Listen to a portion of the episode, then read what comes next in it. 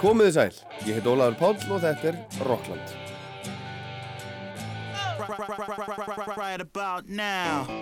Þið auglýsið hitt og annað hérna, hitt og annað sem svo aldrei kemur. Það var bara ekki auglýst, það var auglýst hvennasöng.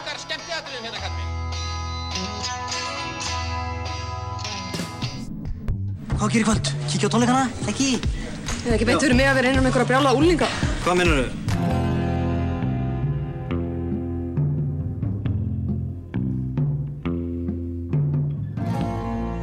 Þetta er þúsundasti Rocklandsdátturinn og það er bara svolítið mikið. Þúsund stykki.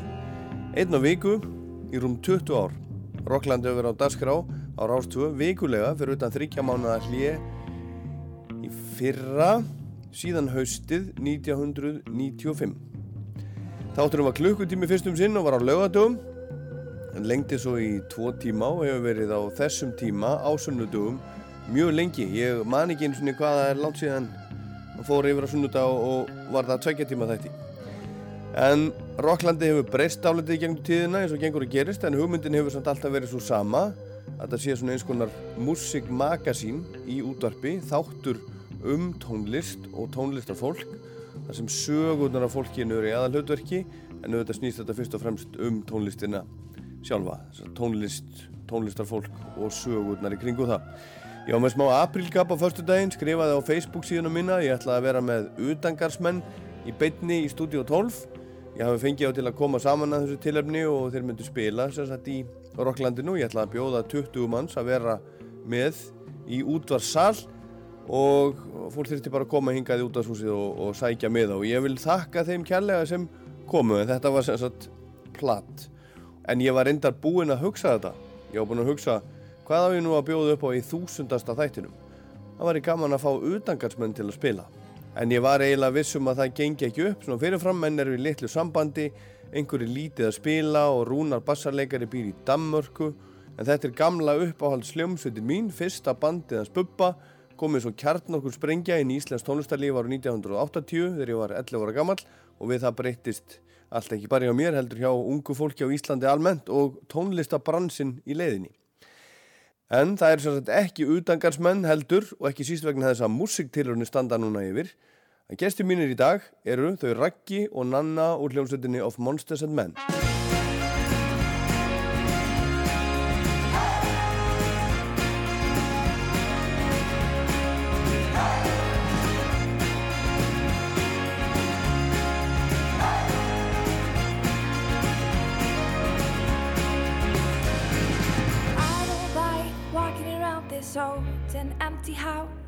So hold my hand, I'll walk with you, my dear. The stars creak as you sleep, it's keeping me awake. It's the house telling you to close your eyes. And some days I can't even trust myself. It's killing me to see this way. Cause though the truth may vary, this ship will carry our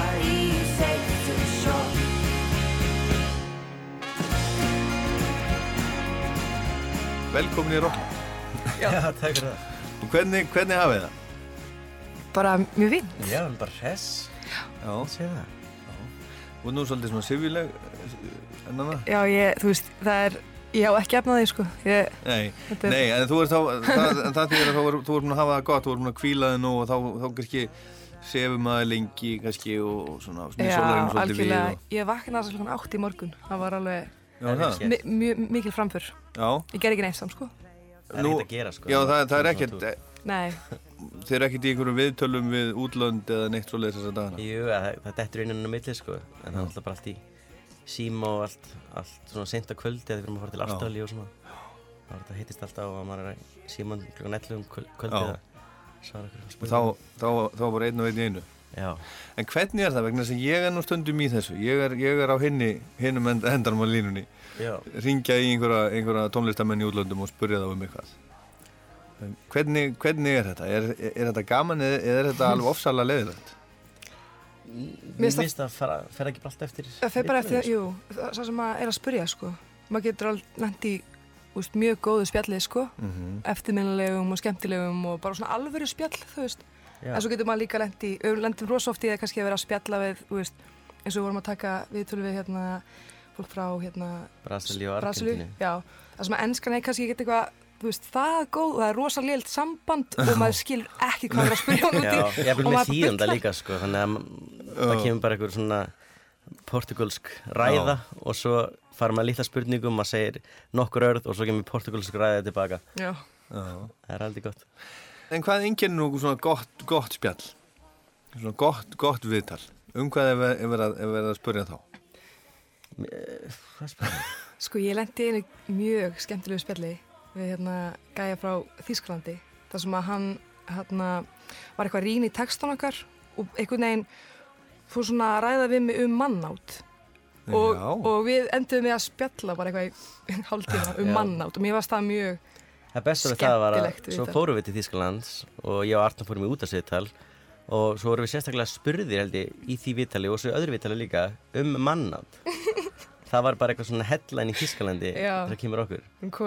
kom út svona mannætu stundilega já, það er sem sagt, það var það, það sem kom út úr þessu, það var of monsters menn eru mannættir. Já, ég held að það hef í alveg verið Er fyrir sögnin sko Já, Já, sérstætt. mjög skrítið. sko Mjög. En það var allavega hressandi, það var öðruvísi viðtal. Það er alltaf gaman að fara í svona viðtal sem að, emitt, við erum bara að spjalla um eitthvað annað. Já, ég ætla ekkert, ekkert nánar í mannátið. Nei. En nú er þið búin að vera í fríi síðan einhvern tíman í desember.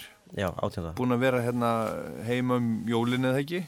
En þú, Raki, þú, þú ert nú alltaf með annan fótinn í Danmörku. Jú, en ég er búin að vera heima núna Já. og þarna, já, kærasta mín er búin að vera heima líka. Já. Þannig að það er bara búin að vera mjög ljúft, Búið að vera Rólegt. gott frí. mjög gott frí, þú veist, alveg bara, maður veit ekkert hvað maður á að gera. Nei, og eru þið, eru þið þá komið kannski með hugan í næsta faralag og þessu, ó, ég vildi að þetta frí veri búið og... Nei, nei, ég held að, Mér finnst það fínt, maður er svona að hlaða batterín. Þú veist, ég heldur sem líka bara dul, þú veist, við erum að reyna að semja og bara svona að reyna að undibúa, þú veist, framhaldið og, og svona, emitt, það er bara fínt að koma heima aðeins að, og svona núlstilla sig. Já, þið eru svona byrjuð á næst, að svona undibúa eitthvað. Við erum ekki byrjuð á næstu plötu, en við erum byrjuð að hugsa um næstu Já. plötu. já, Þá er er það, hafið. það, er hafið. Og einhver svona taka upp á símanna eitthvað. Og... Akkurat, bót og búð. Já, heyrum hérna eh, fyrsta lagið af plötunni, Crystals. Og þetta var, þetta var uppáfslag áramótaskaupsins. Sáu þið það? Já, Já, við sáum það. Og fekk fólki leifi. Rúf, leifi til þess að taka lagið og breyta textanum. og já, já, já, það er samband. Við við vorum bara mjög spennt. Það hefur verið li, li, lifetime goal að komast í áramöndasköpið. Er það ekki? En þá við höfum ekki farið beint í það en lægið fór í það, það var heldur. Já. Hvað getið þið sagt mér um þetta lag? Uh, Kristals er semst, fyrsti singullin okkar af þessari plötu. Eh, held að eina elstu hugmyndunum á plötunni, eða ekki? Jú. Allan að versið. Elsta, elsta hugmyndin örgulega og svona svo hugmynd sem kannski tók líka mestan tíma einhvern veginn að púsla saman. Já, Þú vorum að vinna í þessu lægi bara, bara frá, á seinasta tónleikaferðalagi, já, á, á fyrsta tónleikaferðalagin okkar og hérna og alveg þangu til að bara seinustu dagana í stúdíónu það var ennþá bara breytast og, og, vorum átt okkur á því. Og svo bara endaði einhvern veginn svona. En textin? Tekstin í Kristals fjallar svolítið um að vera kannski opinn, myndi ég segja.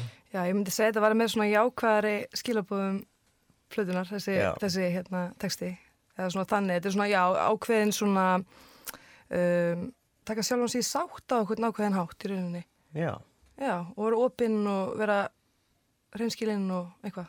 svolítið sem, þú veist, við vildum gera meira á plötunni með tekstunum. Þannig að, þú veist, þetta var svona, þessi eitthvað sem okkur styrir viðandi í svona opnunulag.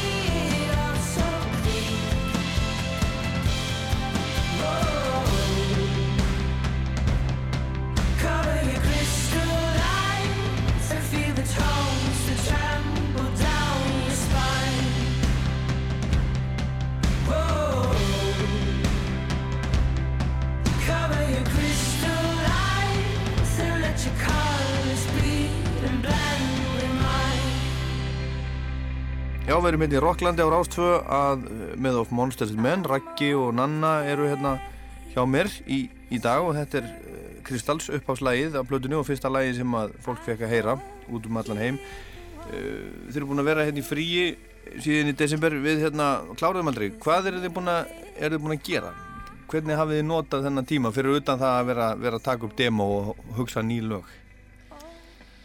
Um, það er spurning, maður er svolítið bara svona, Þú ert nú búin að flytja hérna í íbúð, eða svona. já, ég er að leiða íbúð, maður er bara svolítið svona, að, þú veist, að, að láta allt virka. Þegar maður, ma- þegar maður er búinn að vera lengi úti þá er margt sem maður þarf eftir að gera, maður þarf að fara í bankan, maður þarf að gera þetta og þetta og margt sem er búinn að sapnast upp, maður er bara svona að ganga frá lausum endum Já. Já, og svo bara slappa af, þú veist, Já. Þegar maður fer í bankan, Taka, taka til heima taka til heima hjá sér og, Ringi lífur í sjóðin, já, bara svona þetta, þú veist, þetta leiðilega sem er samtalið skemmtilegt. bara með bílinn í smörningu. Algjörlega þetta, Akkurat. skoðun og lera. Já, já. Að sjálfsögðu, auðvitað, auðvitað, auðvitað. En ykkur hefur, hefur, hefur gengið ótrúlega vel. Þeir eru búin að vera á, á þetta er búin að ótrúlegt æfintýri og ferðarlag og, og, og, og svona. Og það er, það er bara þannig, það er, e, e, er ekki, all, er ekki alls það uppselt og, og endalust verið að, að býða eftir ykkur og klappa fyrir ykkur, það, það sem er komið. Jú, jú, þetta er alltaf bara, þú veist, þetta hefur alltaf, þetta gengur bara, gengur vel. heldur vel. Jú, við erum allavega mjög, mjög ánægð. Já, og þú veist, það geði þetta að fá bara að spila á svona mörgum stöðum og að fólk sé að koma með þá. Náið eitthvað að skoða ykkur um? Eða er þetta bara að rúta og inn í soundcheck og... Sko, ég man alveg þegar við byrjuðum, þú veist, að við vorum að byrja aftur núna, þá var Já. það bara markmið að að vera bara, þú veist, vera geðduglegur sko. Það er alveg tími sko, ofta á milli, en svo bara einhvern veginn, ég veit ekki hvað, mað, hva, hvað gerist, en það er eitthvað skrítið sem gerist þegar maður er að túra svona mikið, að maður bara svona, emið, kannski er þetta bara þreita. Ég held að sé bara, þú veist, það er erfitt að vera í fullir vinnu og líka vera í fullir vinnu að vera túristi. Veist, eftir nokkur, nokkur skipti að vera að skoða kirkjur og svona, þá er maður bara, þú veist, kannski langum við bara ekki að, aðeins. já, það leggja sig bara fyrir soundcheck eða eitthvað, staðan fyrir að vera að labba um allan bæinn. Það er öðru sem maður er, er í Evrópu samt, þá er maður meira að skoða, sko, og því bandaríkjunum þá er maður meira, meira bara að chilla, sko, því það er svolítið Já. svo svipað þar. Já, allt svona ein- eins og Garðabær. Já, eða væri svo fínt maður. Já, en þegar er að tóra, ég menna svona ein, einfaldi hlutir í svo að fara í sturtu, ég menna náðu þið því alltaf? Náðu þið alltaf að fara í sturtu fyrir, fyrir tónleika? Eftir tónleika, sko. Það fyrir alltaf mm, eftir. er það? Já. þú gerir það. Alltaf eftir? Ég legg ekkert alltaf í þessar sturtur sko, þetta er stundum alveg, Nei, styrtunum fylgir oft fótsveppur. já, Það eru, eru mis snirtilega á náttúrulega. eftir sturtu fylgið fótsveppur. Já, þú veist, það eru stundum alveg, þú veist, suppilegar, en maður, ég er bara með svona flip-flop, skilju. Já, ég er líka ógeðslega, já, ég er ógeðslega góðið því líka að taka bara vassflöskur og bara svona taka svona algjörður Rónabað. ónabað. Ég gerir það mjög mikið. Í alveg? Já, ég menna maður bara að. Já, já. Þetta er, ég minna, þú veist, það er alveg, það er eina kosturum að koma heim, er náttúrulega bara að fá góða sturtu og vera, þú veist, bara sama sturtan, Já. tvisar röði er bara snill, sko. Já, já, akkurat. Herðu, en ef við, ef við tölum um, seg- segjum, þú veist, þessi hérna, velgengn ykkar, er, er, þú veist, er eitthvað sem að þið getur sagt, hvernig útskýrið þið það? Ég menna, er það, eru þið snillingar eða, eða er, þú veist, eða er, er ég menna, er, er eitthvað, þú veist, margt sem að spila saman, ég menna, hvernig, þú veist, nær hljómsveit þessum árangri sem að þið hafið náð?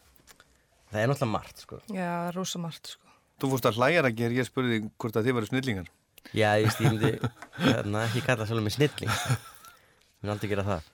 En þarna, ég held að það sé, þú veist, bara, það er náttúrulega að, að gera tónlist sem að fólk fílar, það er eitthvað. Mm. Ég veit ekki, svo er það náttúrulega fyrir okkur, bara, við erum alltaf að, skiljur, við erum alltaf að spila. Og þú veist, þetta er bara, þú veist, bara, þú veist, þú ert að fara og, og því fleiri tónleikar sem þú spilar, því fleiri sjá þig, því, you know, Já. you know. En, You know. en, er svona, já, en, en, en hvað með þú veist hluti bara eins og, eins og markaðsetning og svona hvað, Já. hvað skiptir hún miklu máli? En þá náttúrulega þarf náttúrulega að vera með ákveðna ímynd og, og þú veist, vinn í henni. En við erum aldrei veginn það mikið pælt í því, sko. Nei, alls ekki, sko.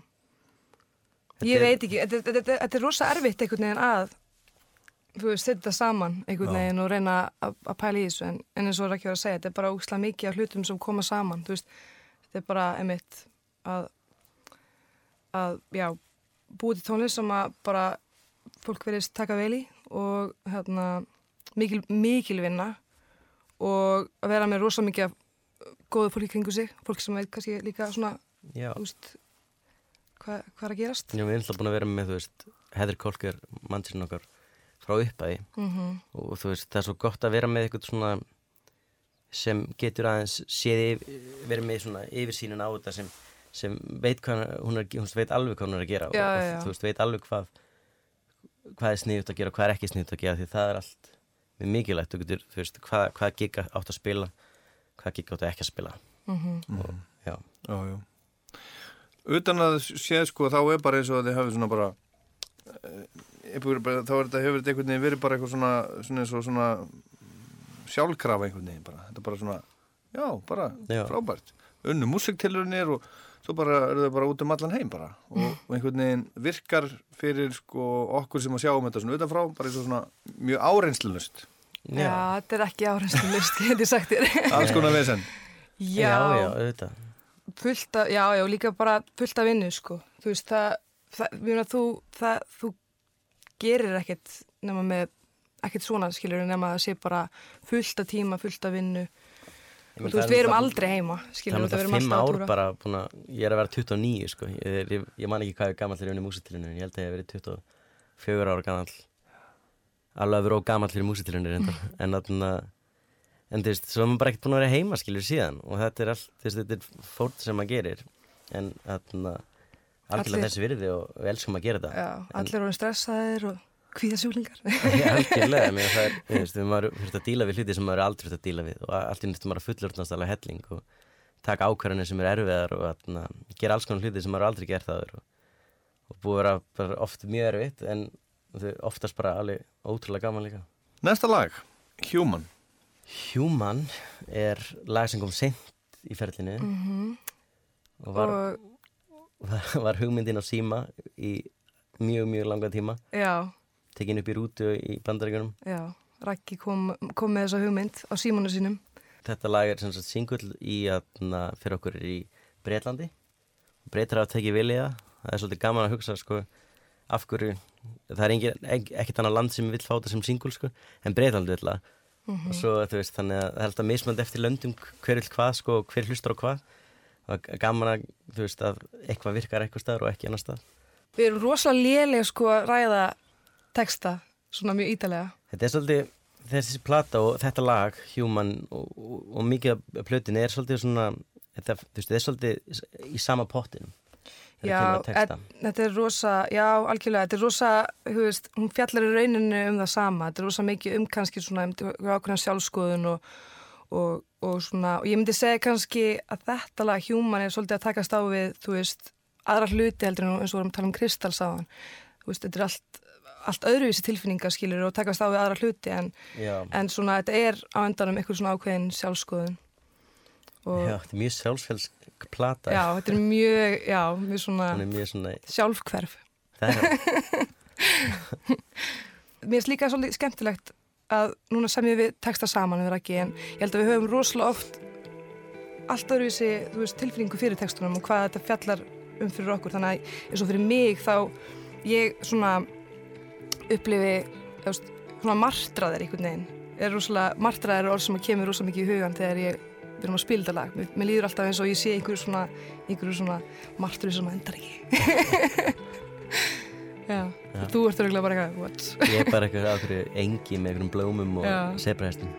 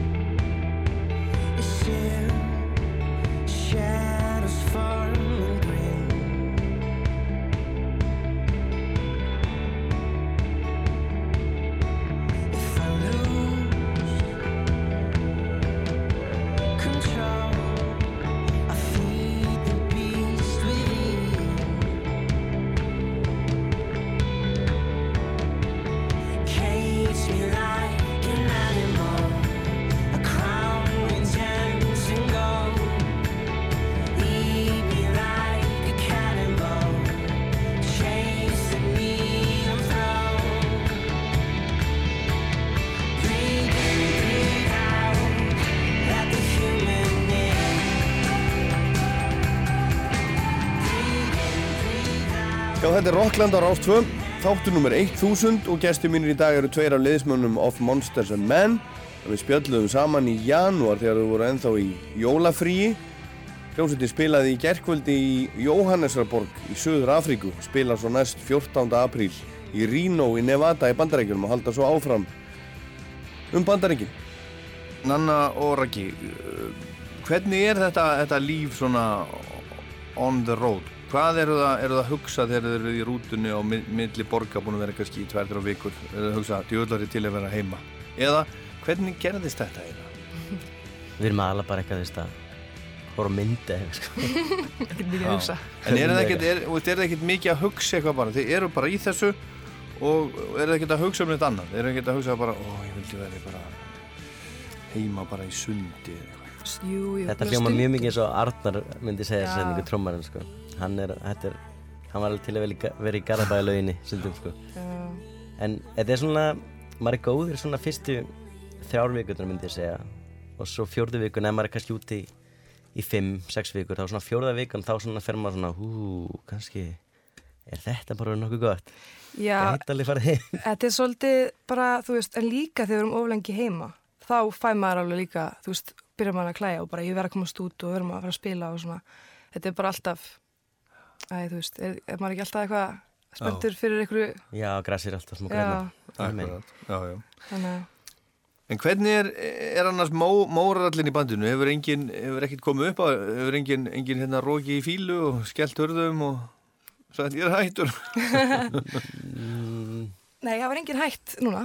en, eh, Ekki þetta skiptið, ekki, ekki eftir átnið hætti Nei. það, það, Þetta er, Átni sem var með ykkur á fyrir, fyrir plötunni. Já, Já. fyrir hluta, Já, fyrir hluta, já. já, þess, hann, túraði með okkur í halvt ára eða. Og svo- og fekk bara nóg. Já, það var bara svona ekki alveg að virka en hérna en ég minna hann er, hann er að gera fábæra hluti núna, gera gegja tónlist og hérna alls konar gott sko. Já, ga gamall vinnur ykkar. Já, Já, Já, já. og algjörlega, tillingu bara já. En enginn hætt núna, segiru. Nei, Og allt í góðu. Allt í Ég, góðu. ég meina, ég algjörlega, sko. Það er einhvern veginn, ég held að við bara einhvern veginn fungerum rosalega vel saman sem, Já, við erum alveg bara við fimm erum alveg bara þú veist, það er, það er virka bara rosalega vel. Já. það er ekkit svona sem gerist Nei, og svo hjálpa líka það, þú veist, að við erum með, við erum alltaf hvað erum við, 20 og, ein, nei, núna að túra? já, 20 og ein Við vorum 27 þegar mest var. Já, ok. Og hérna, þú veist, þannig að það er, þetta er svo, þú veist, alls konar fólk og, og við erum rosalega, hérna, við erum með rosalega mikið af, Skemmtilegu Frábæru fólki, já. þannig að okkur semur einhvern veginn vel við alla og þetta er svona einhvern Já, veginn, þetta er svona eitt lið. algjörlega, sko. Já, og náttúrulega auðvitað breytast mannskapurinn eitthvað þarna, þannig að svo erfitt að halda svona mörgum saman sko, að því fólk fer í aðra vinnur og svona, en þú veist, kjarnin er Já, og við höfum verið með, sko. þú veist, þessu sama hljóðmann núna alveg heilengi Já. og Sem er hver? Hann er Ritchie Dempsey Já, ekki, ekki Íslandingur. Nei, við vorum með Magnús Öttir en hann þarna eignaði svo bara fullt af krökkum og, Já, já, já. svo byrjaði hann bara að túra með mamma Já, já, já. En hérna, eh, ég las, las í viðtali, eða heyrði í viðtal við Mark Knopfler sem var einu svona sko leitið en hann stærstu hljómsveit í heima þessum tíma, Dire Straits Já, og ein af ástöðunum fyrir því að hann ákvaði að segja að þetta gott var það, hann sagði þetta var orðið svo stórt og ég þekkti ekki alla sem voru að vinna fyrir okkur og mér fannst þetta bara, voru að vinna fyrir okkur kannski 100-200 manns og þeir voru með 2-3 svið í gangi, skilur já, það var svo stórt. Guð, Þetta það er var bara, þetta var bara ruggl og ég bara hætti þessu. Já, Ég, já, ég, það er alltaf mjög skrítið þegar þetta svona, þetta, þú veist, þetta, þetta batteri er einhvern veginn orðið of stórt og þú veist ekki hvernig þetta er. Ég mér finnst það bara frekar, ég skil, Já, ég við skil nú alveg að það sé pínu glætað. við gerum alltaf mikið úr því bara allir bondi mikið og við, veist, við erum mikið með krúnu og þau eru mikið með okkur Já. gerum hluti saman, fyrir, við fórum hluti með síðan hvað hétta?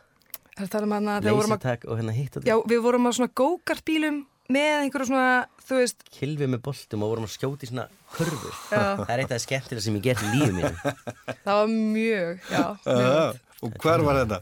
þetta var eitthvað staðar í Minnesota eða Já, já. Já, bara, svona stað sem var ekkert að gerast. þetta, þetta var aðaldótið þar sko. Já. En hvernig, þú þessi allir saman, ég meina, það, þegar það er búið að spila þá náttúrulega þarf að taka saman og svona, og er, er, þá, er þá bara farið upp í rútu og kert á næsta staði eða, eða, er eitthvað svona partí og ettir eða eitthvað, eða, Nei, er það bara einstakar sinnum? Já, Já, það er einstakar sinnum, kannski maður er í svona New York og þegar margir, margir eru að koma, margir sem maður þekkir og svona sko. En við erum rosalega róli hljómsveit og lítið að partí og þarna, neða, og við gerum, ma maður er heyrt að hljómsveitir sem er alltaf með eftirparti eftir hvert gig. Ég held að það sé mjög, bara góð leiði að verða mjög, mjög þreyttur á þetta og bara Já. missa alveg allan mátt sko. Alltaf, alltaf ásótið. Það Alltaf, það getur ekki verið gott sko. Herðu, næsta lag heitir Hunger. það er lag sem að kom líka svona hugmyndina að því kom á túrnum þegar við vorum að túra Manhattan Animal og uh, og var bara svona einhvern veginn alltaf lengi til einhvern veginn. Og svo er það þannig að þú veist einhvern veginn hugmyndir þar einhvern veginn geta komið hverjan sem er. Þannig að ég, ég var að keira og hérna og byrja að söngla viðlægi sko bara svona upp úr þurru eiginlega. Og var mjög söng og var að leita mér eitthvað að geta það. Er svona ekkit lægi, ekkit um það en það er svona, mér það Nei. fyndin tilvílun ég sé þið fyrir mig. já, ég, akkurat. Svo hérna, já og svo fer maður bara heim og, og púslar þessu saman og úr var þetta lag Það var svona eitt, eitt af lögunum sem þegar við fórum að djama saman að þetta bara small strax já, og það var rosa lítil fyrirhöfn þannig sé með, með við mörg önnu lög á plötunni Já. þú veist þetta var svona náttúrulega varað til Mhm. þarna af, you know, fullu lagi ég þarf hægt að segja you know já Já. Óli klippir you know út sko. Það er Ekki víst. já, ég held að, að viltu ekki bara taka þetta allt saman þegar hann segir you know og bara svona, you know. you know Þetta er kækur Ég var ekki farin að eins og að taka eftir þessu. Nei, ég Nei. tek eftir þess að ég fæ svona kaldan svita baki þegar Já, þetta ok. gerist. En you know, þetta var komið. Já, you know. You were right, I'll move on. But my lungs feel so small, I couldn't breathe if I tried. I lay my head on the floor, my beating heart wanting more, but I'll keep it in and keep you out.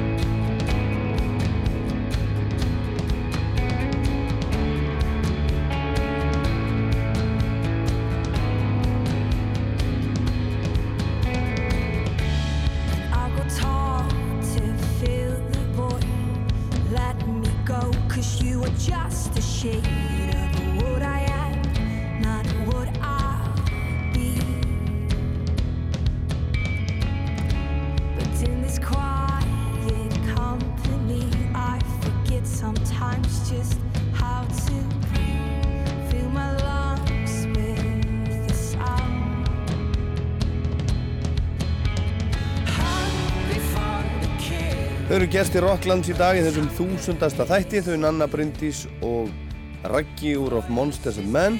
Við spjöllum við saman þegar þau voru hérna heima í janúar.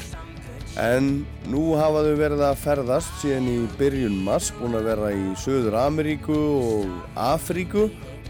Og þarna í janúar að minnst þið var búið að skipulegja lífi hljómsveitarinnar út sömari Já, við erum, við erum allan að fara til Suður Ameríku, við ætlum að byrja í Kólumbíu. Við ætlum að æfa þar smá fyrir túrin og hérna, Æfa í Kólumbí? já, það er bara Af hverju? Þú veist, við erum ekki búin að spila þá í næstu tvo mánuði, eða meir en tvo mánuði, þannig að við hérna, Já, en er það hag- er hagstæðar að fara og æfa þar heldur en hér? já, já, Já, af því að, af því að dótið okkar er sko í Ameríku ennþá Já, og já. það freytaði til Íslands og svo til Kólumbíu Já, og þeir náttúrulega eru með alls konar, þeir eru ekki bara með, með, með, með einhverja tjúnar og bongotrómur, þeir eru með alls konar. Já, já, bara allt og mikið, myndi ég segja engar bangutrúnum. Nei, það er gallið Það er, þú erum að pæta því við. Það er, það er Aroni Arnarssoni hljóðmanni sem tók upp fyrstu plötun okkur að þakka að það eru enga bongotrömmur af því ég var aldrei vitað um mann sem hatar bongotrömmur jafn mikið á hann. Ætluðu að hafa það, það með? Nei, Nei, svo spæði en hann bara, þú veist, það var regla hjá hann frá, frá byrjunna En það voru, á músiktilunum voru einhverja svona, einmitt eitthvað svoleiðis eða ekki? Eða ekki ykkur ha, á eitthvað bangutrúnum. Það var einhver svona, eitthvað svona lítið, lítið trommu eitthvað. Arna var með eitthvað Það var ekki með trommu sett, það var með eitthvað bara svona, það var eitthvað svona, Það var ekki bara með flórdóm eða eitthvað. Ég, Nei, hann var með eitthvað svona, eitthvað svona samansett Var með bongotrómur held ég. ég, er hann að blokki þetta.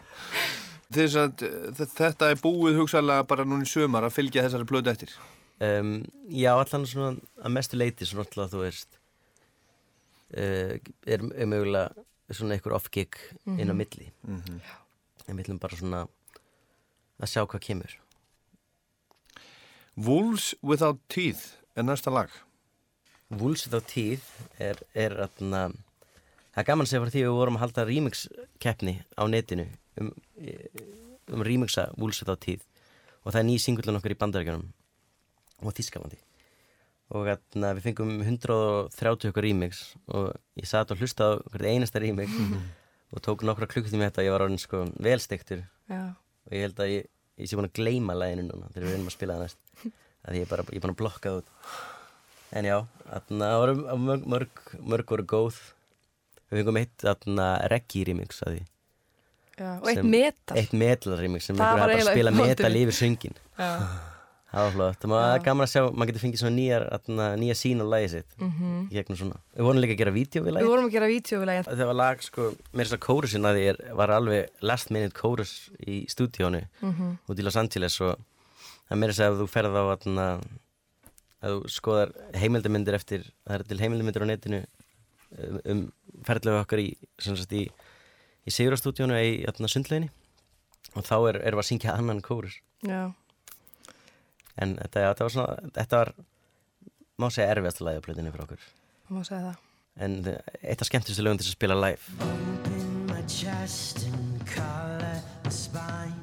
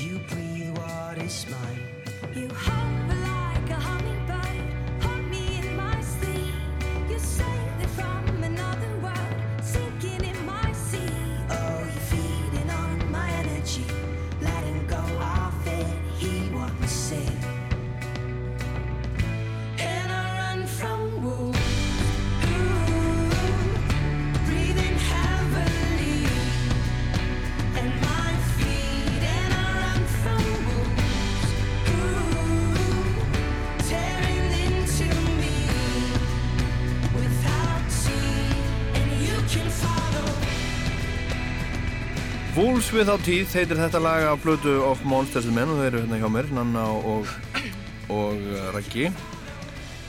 Uh, Eru þið alltaf uh, þegar þið eru að fara að spila eru þið alltaf, þið alltaf í stuðu fyrir eða eru þið alltaf stemt eða þurfið þið að fara, minna hafið þið þú veist, þurfið að fara veik á svið og svona?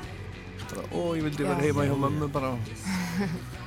Já, bara vera hérna og syngja í kvöld spila og Við vera erum hress. búin að vera endur alveg í rugglinu núna. Það búið að vera mikil veikindi. Mikið, það er allir, allir búin að vera, ekki einu svona, það var alveg fínt ef allir myndi bara vera veikir bara á sama tíma. Já. En þetta er búin að vera bara svona tveir mánuðir. Þetta er bara vítasingur, sko. Já, bara næsti fær. Og það var sko, held ég fyrir stærsta gíkja okkur í bandaríkjunum þegar við vorum þar síðastar, þá fengum við lækni til þess að tjekka á okkur að við vorum bara all hóstandi og Við, erum búin að, við vorum bæðið að koma með lúnabólgur já, sem sagt hann grindi okkur báða Í bæði alvöru? lúna mm og við þurftum bara að fara upp á svið að syngja. Og, og hérna Arnar var komið eh, eitthvað annað, hvað heit það?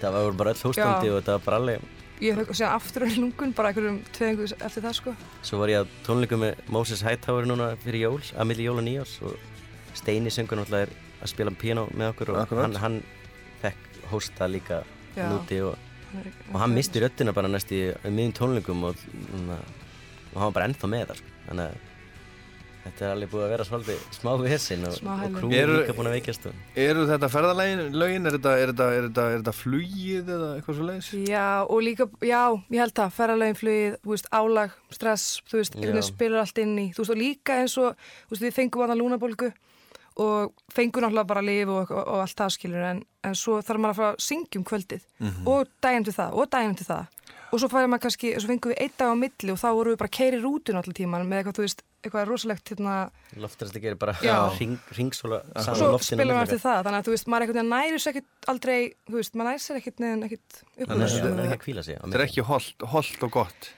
Nei, þetta er holdt að þanga til eitthvað veikist og þá, atna, þá er eiginlega, þú veist þá þarf maður bara að vera með grímur eða eitthvað sko.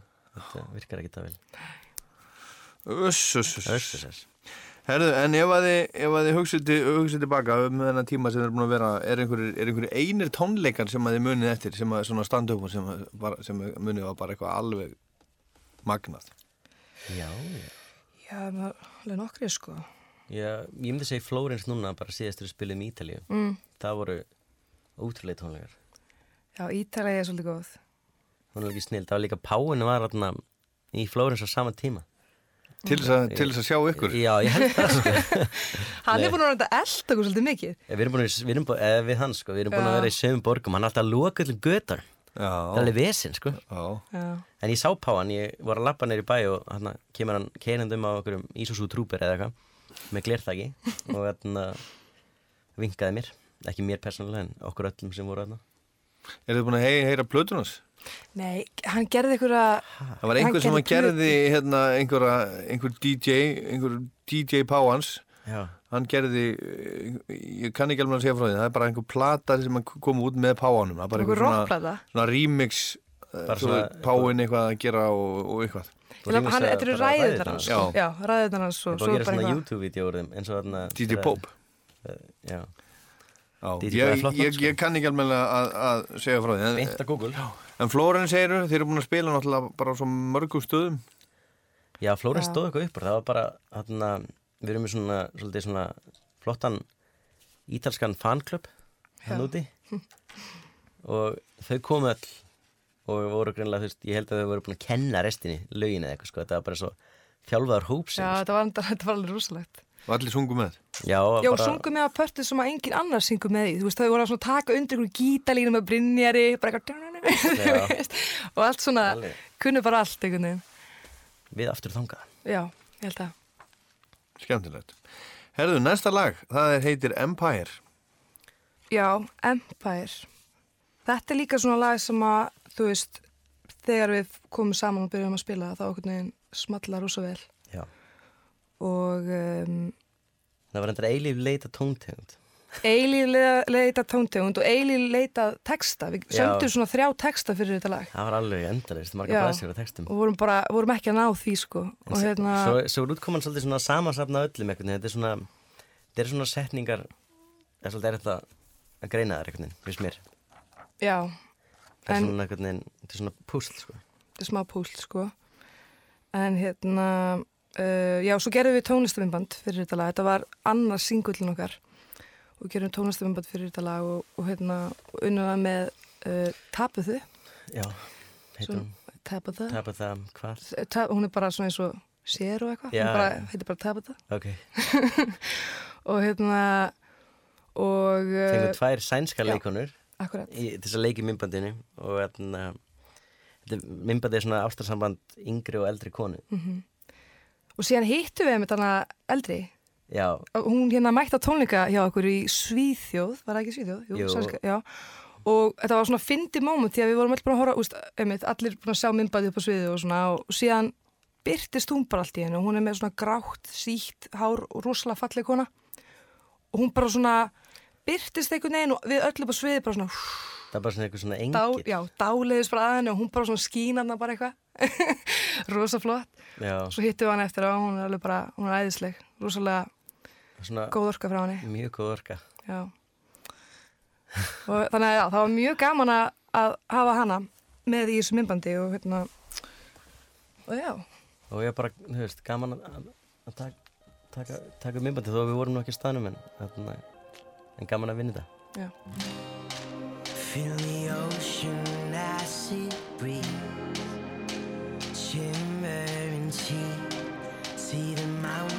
mountains where they meet, smothering me as the wind fans off the waves.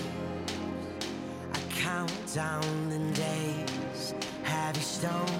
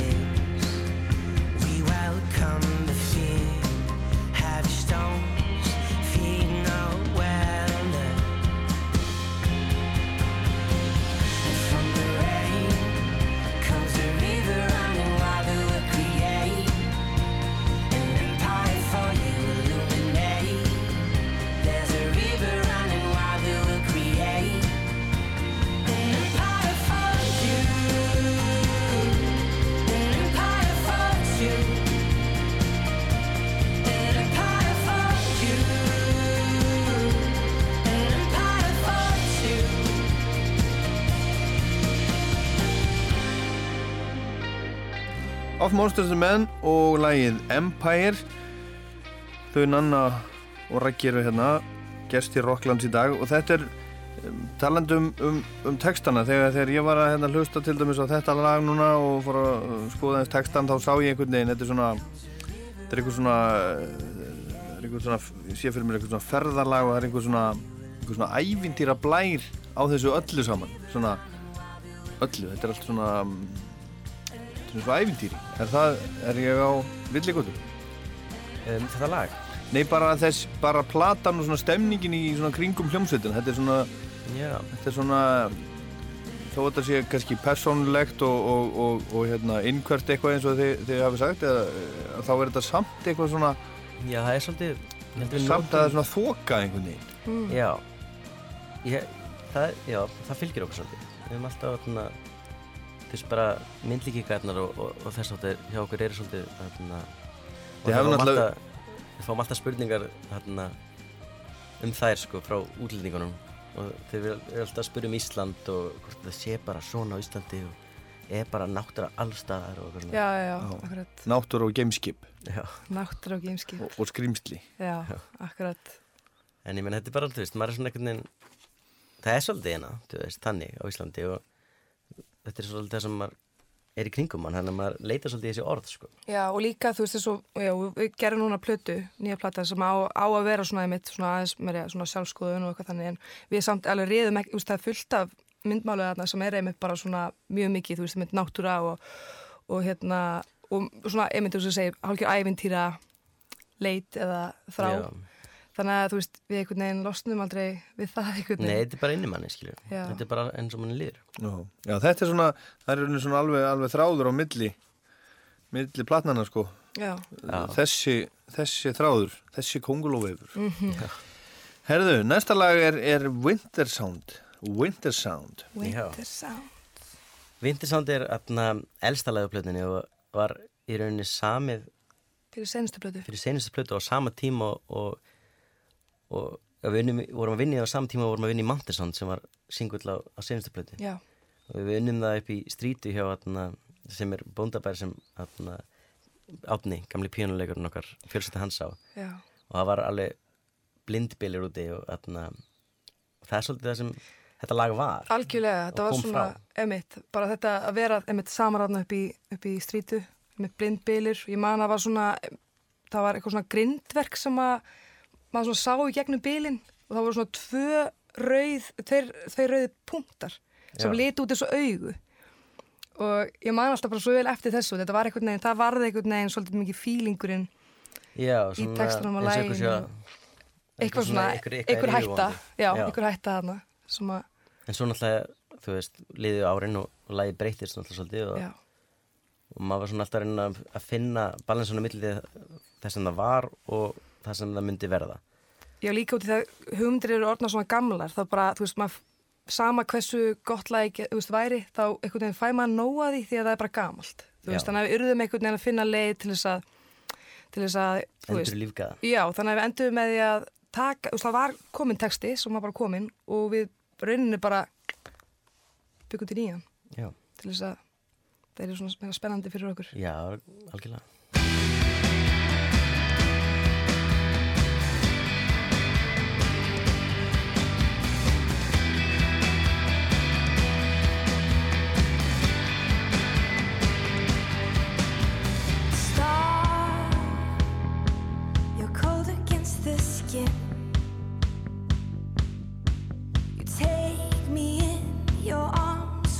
Are closing in.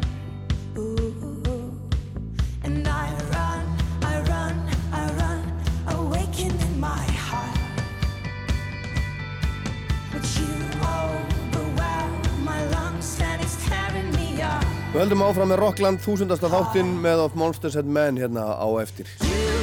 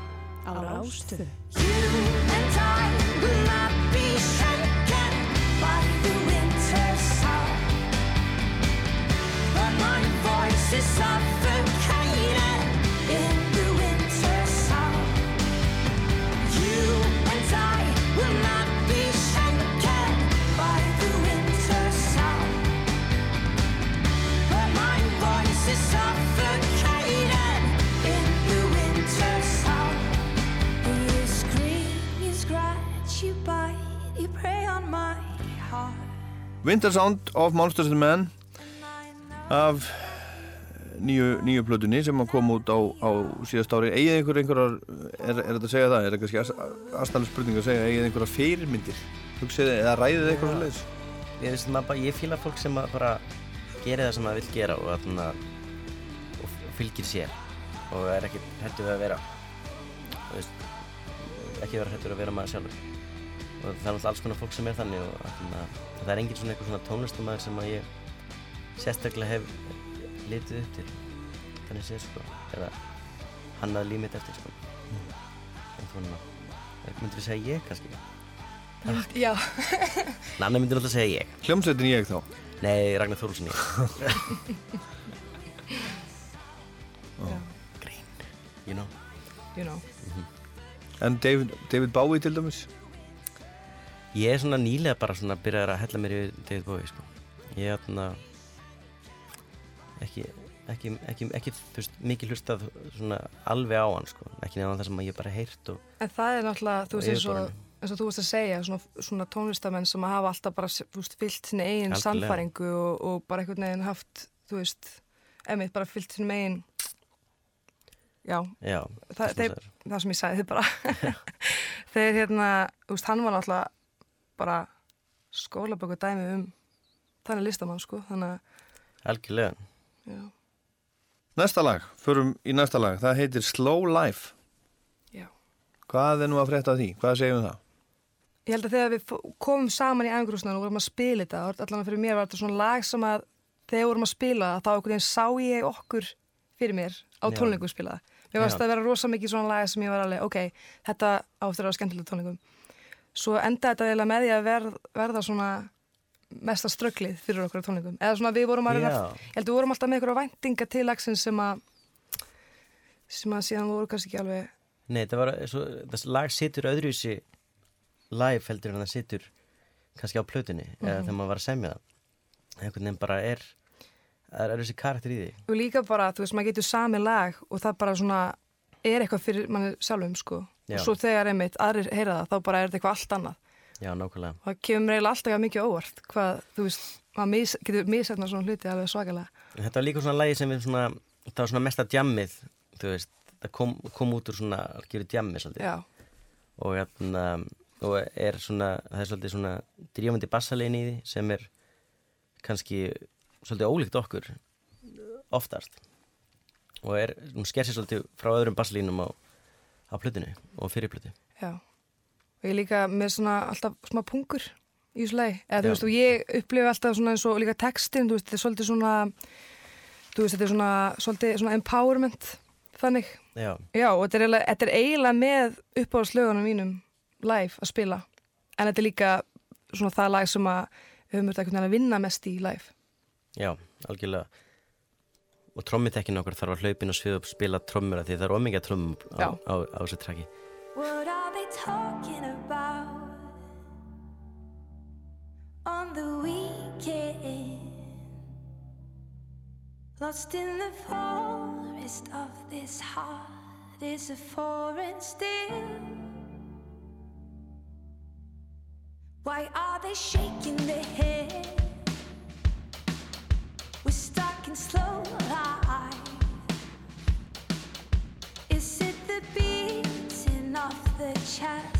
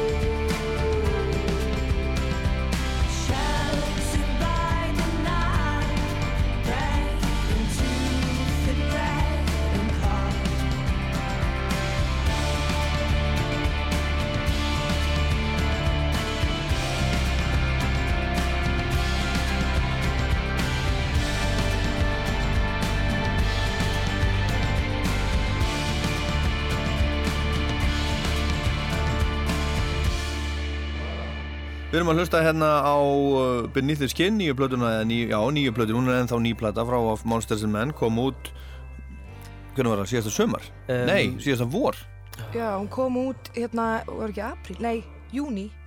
já, síða, síða, síðasta sömar og þetta var lagið, lagið Slow Life. Er hægt að segja, er hægt að segja, myndu þið segja að uh, þið tilheyrðuð einhverju svona senu? Er, er þið svona hluta af einhverju, einhverju músiksenu? Um, Það vildi engar hljómsveitir tilheyra sko, kannast við það að tilheyra Britpopinu á þessum tíma sko í Breitlandi ekki Blur og ekki Oasis og ekki Og, Pearl og svo og er ekki allir neitt. bara, þetta er meira bara, já, þetta er kannski eitthvað bara svona sem að einhverju svona útvarskungar eins og ég þurfa að setja á Já, algjörlega, maður þannig að það er náttúrulega ekki, þú veist ég, ég, ég hef ekki nóg mikið svona bara nóg mikla vittneski um ég veit ekki nóg mikið um Senurnar. senunar til þess að geta planta okkur ykkur stær en það er örugglega eitthvað sem búin að setja okkur ykkur senur Ég, veistu, ég veit það ekki, ég og mér finnst líka einhvern veginn eins og við höfum kannski verið svolítið fyrir utan allt, svoleiðis. Það segja það allar hljómsveitir Já, Já, er það? Þetta er þetta, Já. þessi klísja sko, þessi spurning og svo þetta svar. Já. þessi svar er alltaf bara eitthvað Já, svona já, Þú getur ekki ekki. sett mig inn í kassa? Já, gleymum þessum en, en kannski, sko, ég meina ég, ég, ég tengi ykkur sko við ef ég hugsa svona, þegar maður er svona alltaf að flokka Já, sokkarna sína og svo hljómsveitirnar upp í hillu út diskarnir sína. Já, Ég, mynd, sko, ég, ég seti ykkur svolítið í samhengi við hérna, það sem gerðist kannski þarna, árin árin að þið koma fram eins og, eins og hérna, þú veist, sko, bæði Arcade Fire og Coldplay myndi ég, myndi ég setja svona, sem í svona línu undan ykkur. Mm. Coldplay gáði gáði plötu sem var svona folk, folkplata, heitir hérna Viva la Vida Já, and, and. Death and All His Friends eða ekki og svo, og svo Arcade Fire já. Ég myndi segja að það væri svona svolítið upphafið af þessu sem að hefur komið síðan, síðan og þið til er. Já. Upplifið þetta svona eða kannski einhvern veginn allt öðruvísi? Mér finnst þetta, þú veist Mér finnst þetta þú veist, betra en það sem mér finnst þú oft látin í, þú veist, þarna Mumford Sons og allt þetta dót sem, sem ég hefist vera, þú veist, sem var alveg bara svona akústik fólktónlist sem var, þú veist sem við hefum aldrei alveg verið, sko Já, því við hefum alltaf verið, þú veist fullt band með hellinga ramaskítar og alls konar þannig, sko Læti, Þannig ég hef aldrei látið okkur alveg þann flokk. Og, og við erum alltaf nefnd með þeim, sko. En það er líka, þú veist, ég held að maður er ofta einmitt setti líka saman einmitt með, þú veist, eins og það var bara hjút þegar við vorum að, að byrja. Og hérna þannig að það er kannski ekkert svo skrítið, sko. Nei, nei, en þú veist En jú, Er, er þetta ekki bara svona að það þarf einhvern veginn að skilgreina alla hluti og, Jú, jú. og það er þessi tími og Mhm. það er einhvern, einhvern Jú. sound og einhverja þessar hljómsveitir voru starfandi og þá er Já, það já. orðið eitthvað svona, akkurat, einhver súpa. Jú, algjörlega og það er, þú veist, ég meina, mað- það er mjög flott, þú veist, það er, maður fer á Netflix og maður leitar að hryllismyndum, skilur Mm og þá fær maður hryllismyndir, eða sumar eru ekkit jafnmengla hryllismyndir og aðrar hryllismyndir en þú veist, þetta er að, þú veist, kannski eitthvað sem maður getur allan að sætt sig við að geti verið eitthvað þannig. Já, Horfið á hryllismyndir? Já, Það er Er bara það? tradition í Já. rútinni, sko. Í alvöru? ég er rosalegur Hún er rosaleg. hryllingsmynda fan, alveg Ég gleyma, elsk þetta. ég gleyma aldrei fyrstu hryllismyndir sem ég sá. Hvað það? Galdrakallin í Ós, ég var fimm ára. Herðu, ég, sko ég á einmitt svona svipa, ég, hérna, mín fyrsta sem ég flokka sem hryllingsmynd er Gremlings, út af því ég var einmitt Hún bara... er skelvileg. Hún er skelvileg, hún er alveg hræðileg. Já. Ég, hérna, mann fyrir að horta á hana og vera alveg skítrætt og síðan bara, Hún er líka svo léleg. já, Það er svo magna, ég er nefnilega að horfa á hana með, með sex ára sinni mínum núna, núna fyrir ekkert lungu síðan og, og ég bara, bara, það sem ég hugsaði, þetta er bara skýt léleg mynd. já, hún er svona góðvond, sko. Illa gerði einhvern veginn og astnaleg. Já, Og, og, og, og, og, og Steven Spielberg gerði hann það ekki. Jú. Ég var ekki. Það var einmitt ég að hugsa, hvað er með hann Steven Spielberg? Það er söm, svo bara heilmikið af því sem hann hefur gert er bara alveg skýt lélegt. Já, Ég fíl, ég held að sé svona nostalgíu líka. Ég, Já, svona, smá sko. Já, Maður tengir henni af eskuna smá svona. En hvernig hryllingsmyndir viljið, viljið horfa á? Ég menn, er það svona, er, er það svona blóð og gór eða er það svona, svona andsetin hús? sko ég, sko, ég er ekki aðdáðandi svona slasser, svona þannig dæmi. Ég fíla ekki, hérna, þú veist, Nei, þú vilt ekki blóðu, þú vilt svona drauga eitthvað. já, já, mér finnst hitt nefnilega, sko, þú veist, svona, þetta blóð og þetta sitt er bara svona, er rosa, það er svo mikið alvöru, þú veist, það er svo gætalega gæst, en svona einhver já. andsetin hús eru svona, ég veit það ekki, það er eitthvað spennandi við það. Besta við að horfa á hryllismyndir í rútunni er að það gerast mjög fáar hryllismyndir í rútu á ferð. Já. Þannig að maður er svona safe frá öllu, þú hort á allt og bara ég tengið ekki um mig, þetta er alltaf að ég get fyrir að svo. Já. Ég var í geðu til að sjá hryllismynd í rútu. Andsetin rúta, við erum náttúrulega eiginlega búin að vera með líka andsetin rútu. Já, það við er erum- alltaf nú saga. já, það rétt. Andsetnar útu? Já. Já, Nanna slýsast þess að kaupa gamlan dúkkuhaus, eitthvað stær ykkur búð í Los Angeles Já. og eftir að það gerðist þá hvað, hvað var fyrsta sem gerist þá bara þessi öll hljóðfærun okkar eiginlega. Já, eiginlega. það lag sem sagt inn á flightcase-inu og öllum Já. og kassagítunum mínir fóru mjög illa og hérna, Og þið tengið það við þennan dúkkuhaus? Það er bara- Drauga, er það drauga dúkkuhausin? Drauga það er bara fyrsta sem gerist Þetta er eiginlega, já, þessi dúkkuhaus kom til sögunar og eftir það þá bara einhvern veginn fór alltaf fara það var ekki eitthvað með röggut sem spilar á trompet fyrir okkur og all hinn hljóðfærin hún, hún, hún, hún, hún, hún dreymdi Já, það er bara, þú veist, það, það bara fór allir að eiga bara einmitt svona mjög undarlega nætur, Já. dreyma, skrýtna hluti og hérna, og hljóðfærin fóru um þetta bila og allt fór bara til fjandans, það var bara tónleikarnir fór alltaf í rugglinni, hljóði fór að detta út og einhvern veginn. Já, En hún er ennþá meðalvor, við, við einhvern veginn náðum aldrei að losna það. Þessi dúkkuhaus? Ég held að þessi farin að vera happa núna sko. Þetta har bara Hún verið svona aðlugun eins og maður fer sko með krakka í leikskólan Já, já. Þetta er Já. svona aðlugun Þetta var bara eitthvað en, En svo er líka, hún er bara búin að ná tökum á okkur, sko. Já, ok veist, er, Ég nú erum við hrættu hvað gerist ef við Losum okkur við við hana sko. með okkur í vasan Herðu, organs, eru það, eru það orgvélar eða innibli? Sko, eiginlega svona, getur verið tólka bæði, en það er svona svolítið meira innefli, sko. Já, Þetta er lag sem að, ég myndi svona segja þegar við fórum að, við myndum að vinna í plötinu og vinna í lögunum, þá var þetta svona lag sem að, svolítið svona,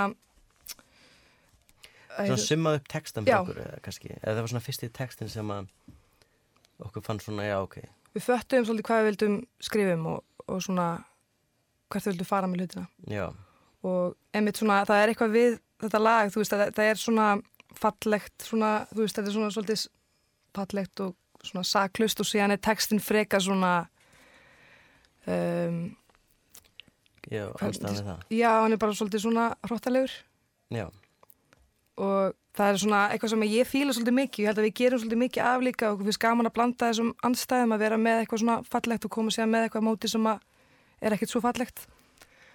Og þannig að okkur fannst mjög gaman að geta að setja svolítið svona, svona svolítið greinilega fram kannski í þessu lagi. Um, Já. Já, mér finnst þetta bara frábært lag.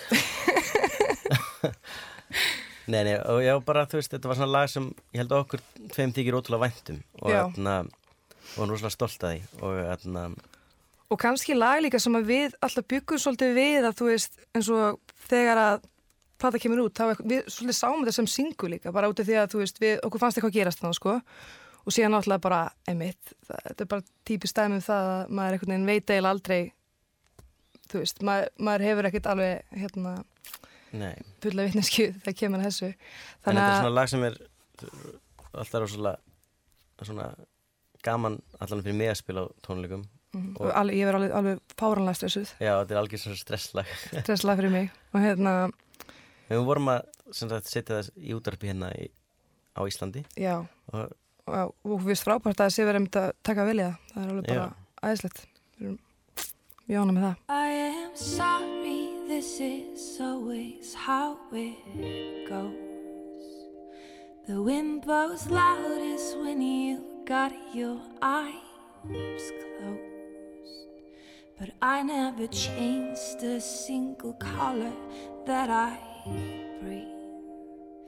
So you could have tried to take a closer look at me. I am tired of punching in the wind. I am tired of letting it all in. And I should eat you up and spit you right out. I should not care, but I don't know how. So I take off my face, cause it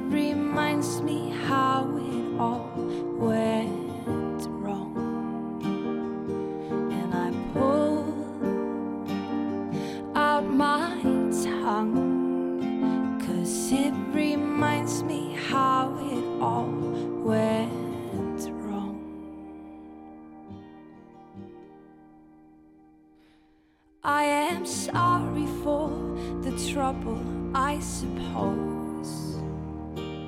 My blood runs red, but my body feels so cold. I guess I could swim for days in the salty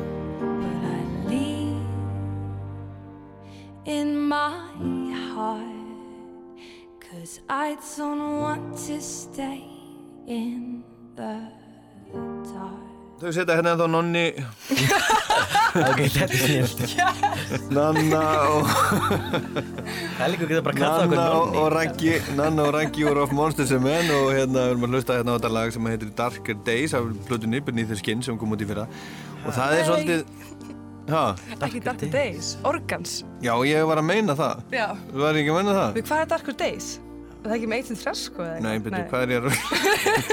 já, nei, já, ná, það kemur, það kemur á eftir, það kemur á eftir, kemur á eftir. Þetta er bara, þetta er rögl, ég fór hérna línuvill. Já, Já. Organs, sem að við höfum spilað heilmikið hérna á Rás 2 undanfarið og, og, og, og þeir eru ekki bara að fara til Suður Ameríku og Suður Afríku, þeir eru líka að fara, fara að túra með Florence and the Machine. Hérna, hvar, hvar er, er það? Hvert er það að fara með þeim? um, Við erum að taka bara nokkru tónleik í bandaríkjarum Já. á við dreif Ég er ekki Já. alveg búin að hella stífra, ég veit ekki eins og hvað sko Ég held að þetta sé, ég, já, þetta er bara, ég, er ekki líka pínu í Kanada? Það getur verið, Já. jú Þetta er svona aðna En farið þið þá með, með, með allra slið, þú veist, allir með og allt sjóið og... Já, já, Mm -hmm. Það er alltaf aðalega sig eitthvað en við hefum aldrei hitað upp fyrir aðra hljómsveit þannig við veitum eru ekkert nákvæmlega hva, hvernig það verður en við, það voru okkar skilmálar að skilir því að, að, að, við gætum you know, að klára bara, þú veist gert allt sem við vildum gera Já, Og já, já, það væri ekki að bitna á sjóinu eða neinu. Nei, þannig að við vildum ekki þú veist vera að setja upp fyrir framann þeirra dót og þurfa að drífa okkur að gera hlutina þetta verður bara vel gert og, og alveg sjó. Já, þetta er, þetta, er, þetta, þetta, þetta er ekki svona eins og maður hefur séð oft sko uppbytun hljómsveit það voru öll ljósin kveikt á sviðinu og, Nei. og, og það er svona laki yfir aðal trommusettinu og hitt trommusettu fyrir framann og enginn að hlusta og látt stilt og allir bara á barnum á leiðinni. Já, Nei, ég býst ekki við þetta verið þannig. Og ef þetta verið þannig þá, atna, þá er ég mjög ósættur er, er fólk þá sem að, sem að kemur á þessu tónleikar er það, er það raunin að fara bara á fara það bara að tvenna uh, fulla tónleika? Sko, Það tökum, ekki alveg þannig, tökum aðeins færri lög en við tökum alveg klukkutíma eða eitthvað sem sko. Að sé eitthvað þannig. Þetta verður kannski aðeins meir en atna, svona hefðbundin uppbytun og ratriði verður.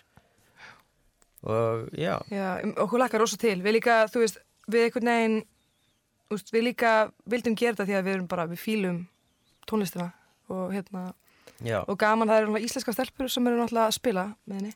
Og við erum búin að hitta þau oft á túr og við erum að spila sömu festivalum og hún er ofta, að þau eru ofta að hellana, fest, við erum oft uh, einum undaðum á, á festivalum og hefur hist hann á nokkur sinnum og það er alltaf gegja krát og atna, virkar eins og það vinni vel saman. Þetta er líka fólk sem hlustur okkar tónlist og svo, þú veist, Já, er bara einhvern og það góð tekur vel á mót okkur hann Já, þetta verður gott. Já, skemmtilegt.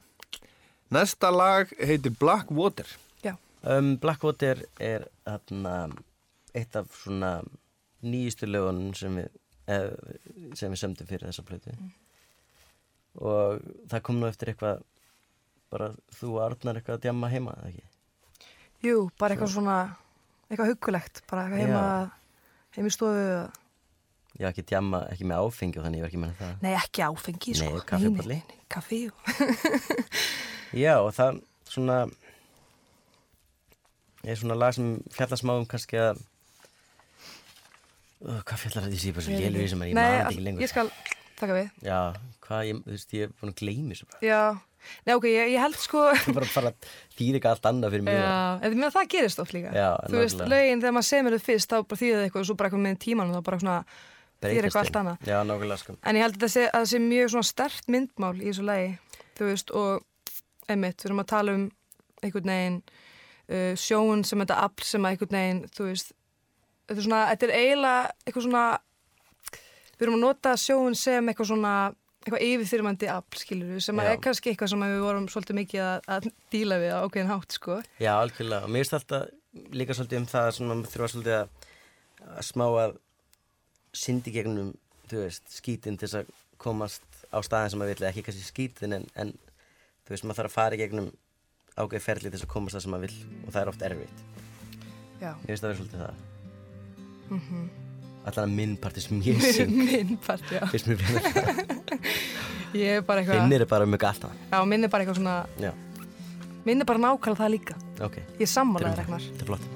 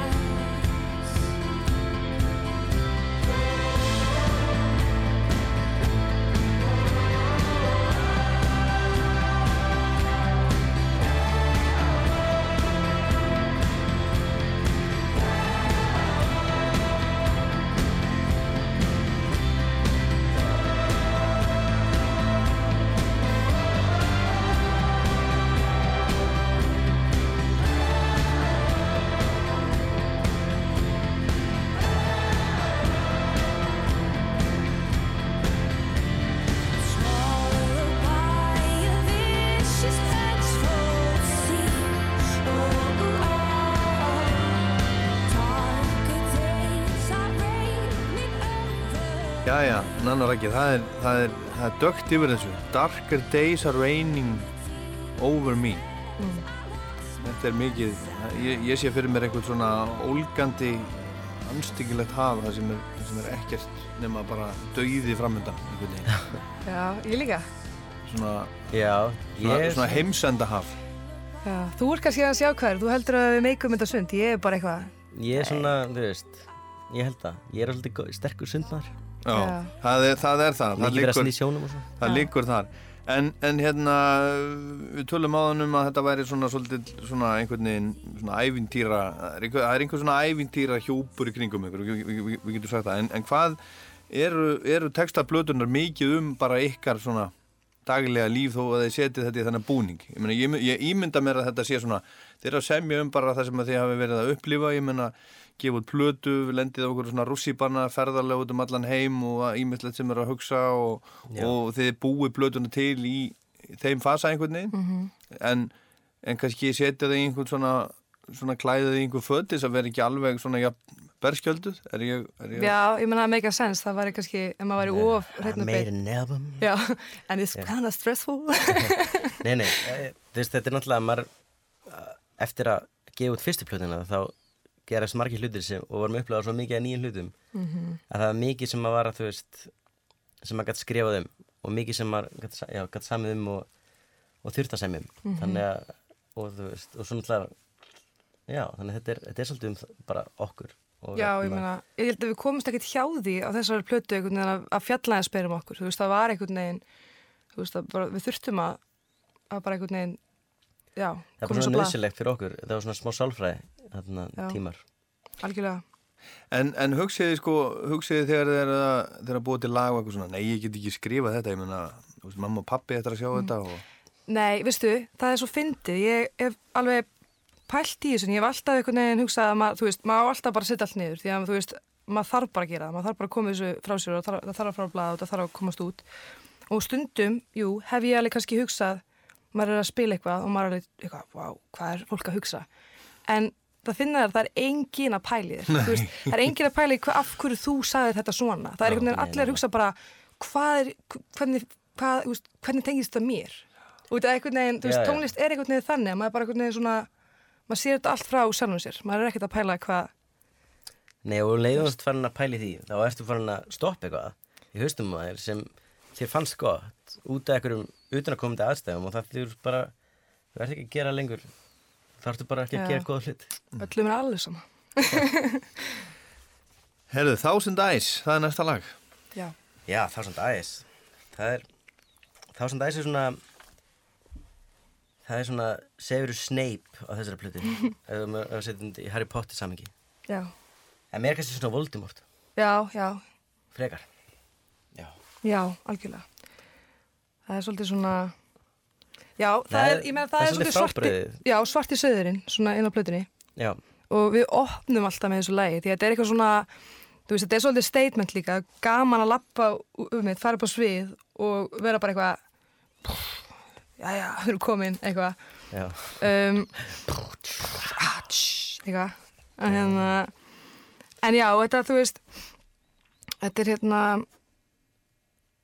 kannski smá fyndi vorum að eitthvað aðeins að tjóka með fótabúð á þann en hérna, en þetta er svona lag sem að, þú veist þegar vorum að skoða hugmyndir og veist, hugmyndir fara einhvern veginn út um allt, þetta er á símanum manns þetta er, þú veist, þetta er einmitt inn á tölvunni manns og, og, og hjá mér er einhvern veginn stundum enda hugmyndir inn á fótabúð, þar sem að ég líka einhvern veginn með undirhauku og er að eitthvað söngla eitthvað. Og ég var að skoða þetta í alveg bara í fyrra Já. fór að skoða myndbandi, ég lík upp í rúmi bara eitthvað, tölvun einhvern veginn svona undir mér og Það er svo, það er svo geðvikt eða tölun inn í stóli. ég, ah, ég veit það Það það var væri svo flott að sjá þessi myndbund leika á Reddit eða eitthvað. Já, ég veit það, það er rosalegt sko en hérna, og þar er- kemur þessi hugmynd sko og hérna, Já, og þetta er svolítið svona þess að brjóta plötuna fyrir okkur. Þetta er svolítið svona, um, eitthvað svona, eitthvað svona, svona, svona transformation á plötunni. Akkurat. svolítið. Unto this dawn, unto this dawn, unto this dawn,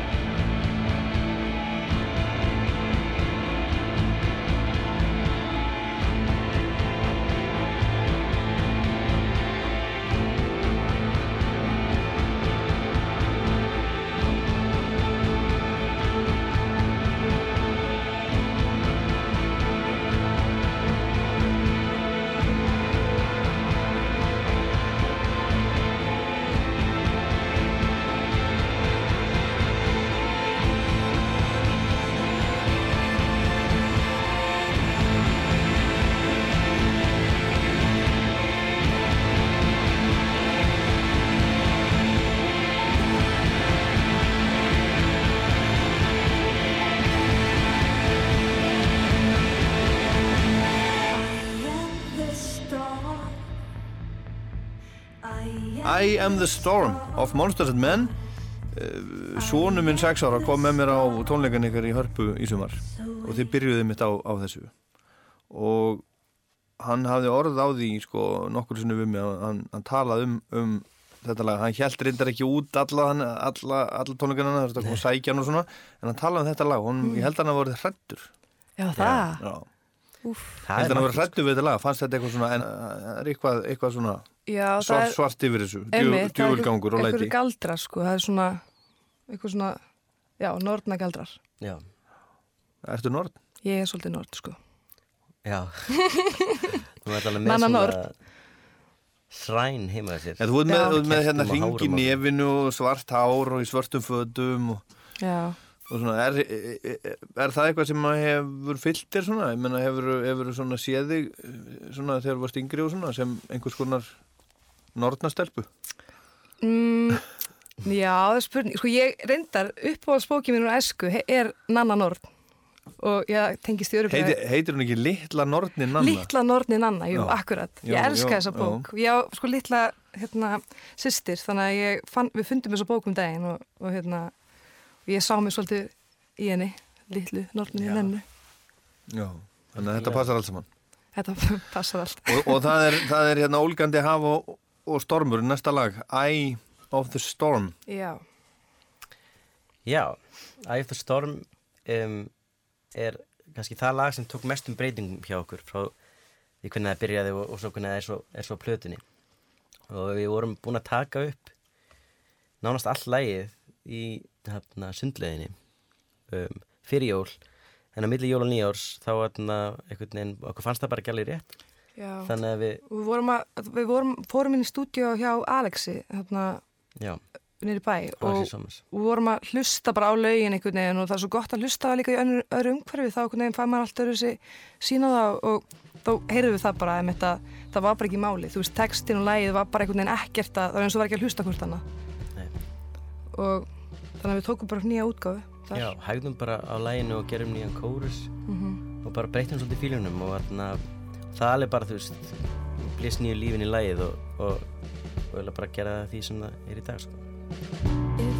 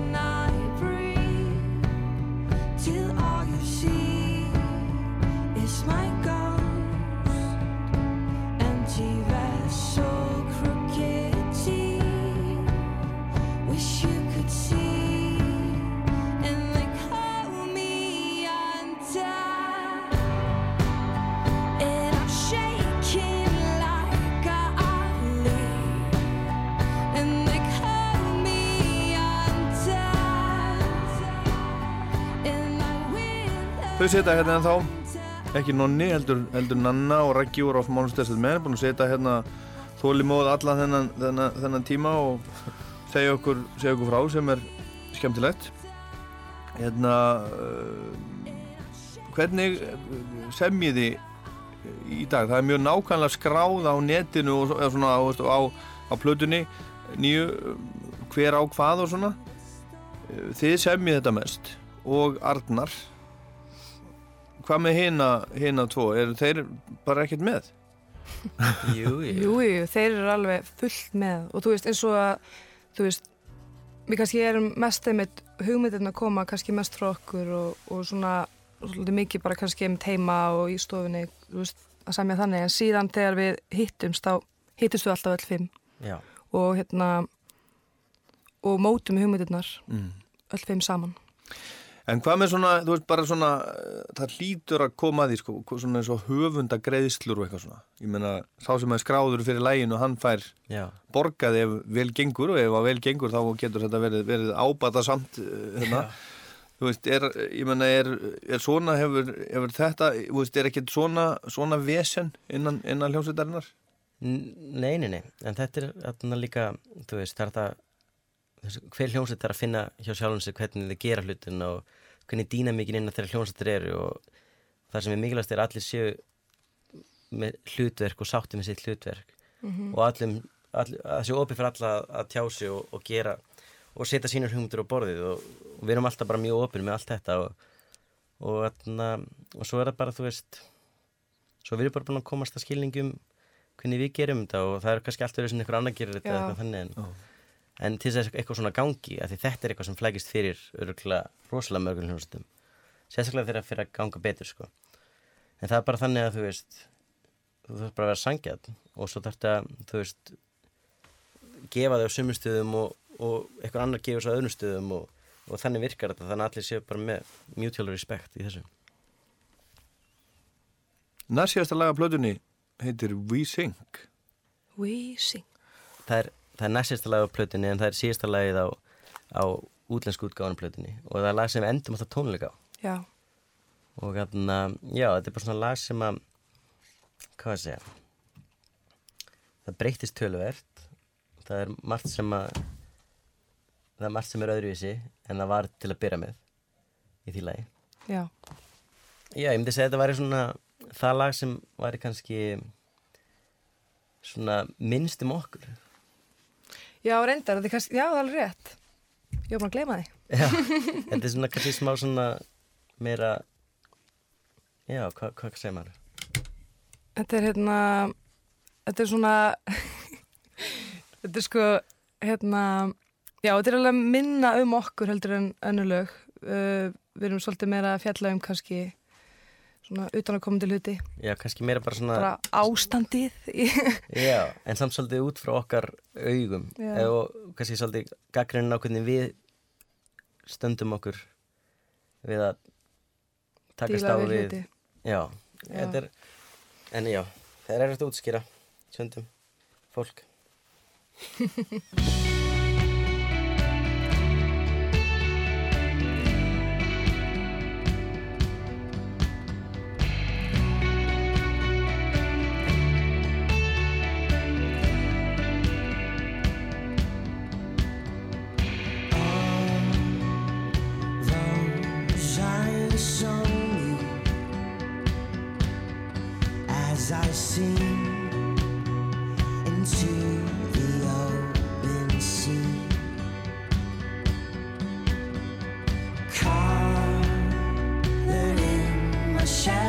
sheltered mind, feel the gap between you and I. We are the sleepers, we bite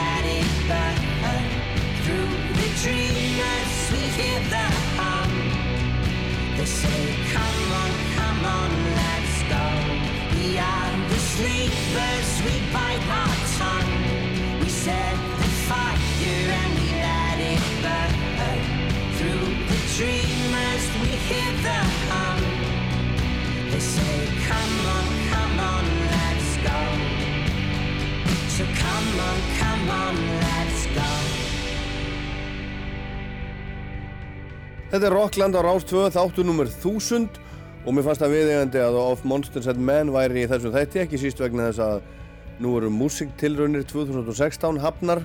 Sveitin sigraði mitt í músiktilraunum árið 2010 og er lang þekktasta hljómsveitin sem hefur sigraði í þeirri merkilegu keppni. Annað undankvöldið að fjórum er í kvöld í Norðurljósum í Hörpu byrjar hálf átta.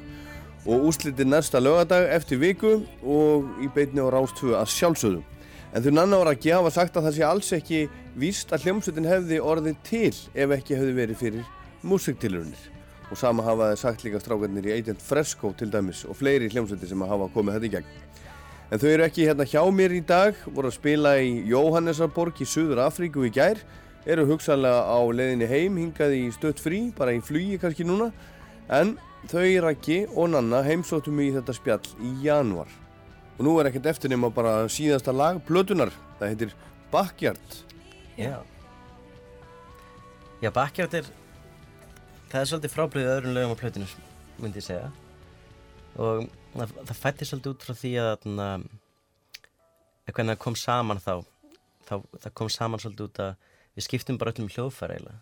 Og vorum bara eitthvað svona að dúlla okkur á, á á öðrum hljóðfærum. Ég tók, það er ekki mikið að trömmum það er eiginlega eins gott að ég, ég tók samt tvær trömmur í þessu lagi eitthvað Mhm. ekki samt það sem að munu heyra Arnan spilaði það auðvitað en þeir vorum að semja það Já, og Arnan já. tók píanóið Og svo höfum öll svona um. Já. Einhvern veginn allir komið líka pínu með leiða, sko.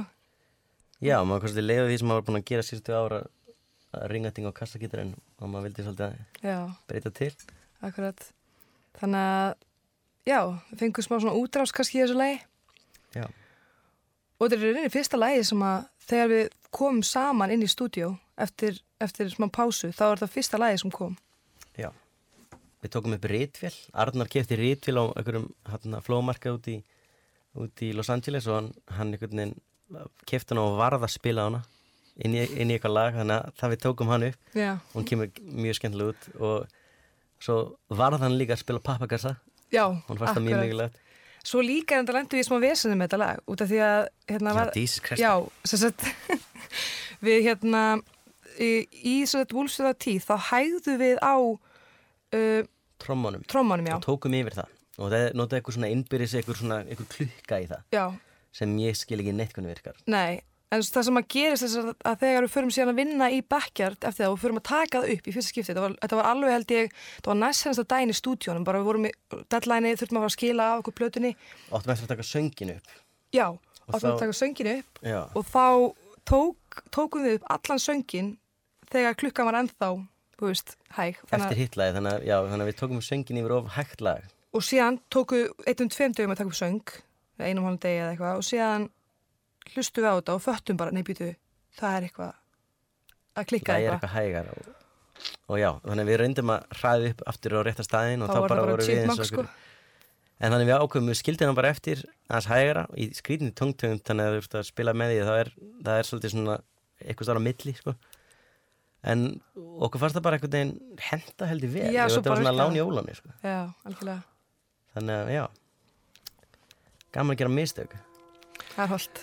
Það var líka gaman að fá ykkur í heimsókn í Rockland Nanna var ekki, takk fyrir komin og gangi ykkur vel Já, takk fyrir.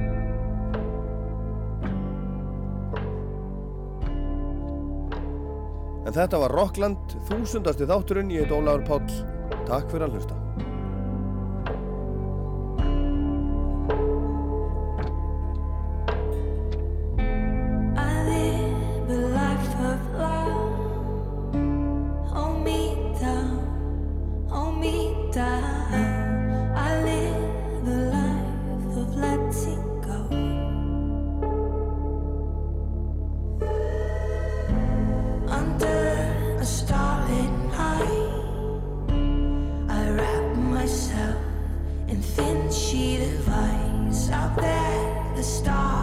Stars are